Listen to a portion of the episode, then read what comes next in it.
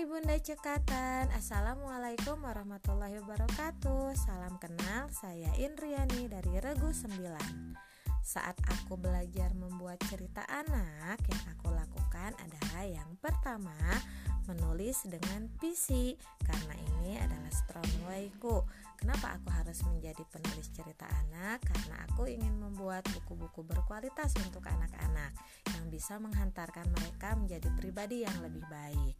Dan aku ingin mengalahkan buku-buku racun yang ada karena ketika aku melihat buku-buku anak-anak, nih um, masih banyak buku anak-anak yang tidak ramah anak, belum lagi tontonan di televisi yang tidak menjadi tuntunan seperti itu.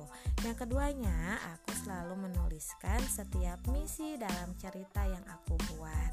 Nah, sampai saat ini aku sudah membuat 6 cerita anak yang berada di 5 buku antologi bersama sebuah komunitas dan juga e, bersama teman-teman seperjuanganku ya.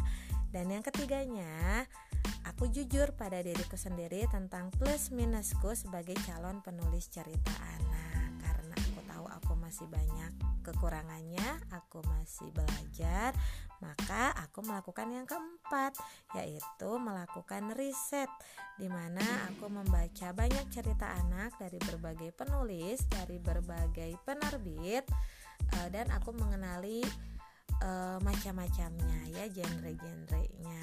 Ada cerita anak yang berupa komik ada cerita anak yang berupa cerita pendek namun bersambung ada juga yang hanya kumpulan cerita pendek saja dan ada cerita anak yang berupa novel seperti itu. Nah jadi teman-teman pilih yang mana?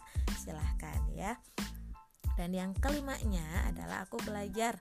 Lebih belajar lagi mengenali dunia anak. Aku lebih memperbanyak lagi me timeku bersama anak-anak berdiskusi bersama mereka lebih banyak mendengarkan mereka dan juga aku banyak membaca buku psikologi anak seperti itu dan yang keenamnya mulailah menulis karena uh, buku yang tidak selesai adalah buku yang tidak ditulis-tulis. Cerita yang tidak selesai adalah cerita yang tidak ditulis.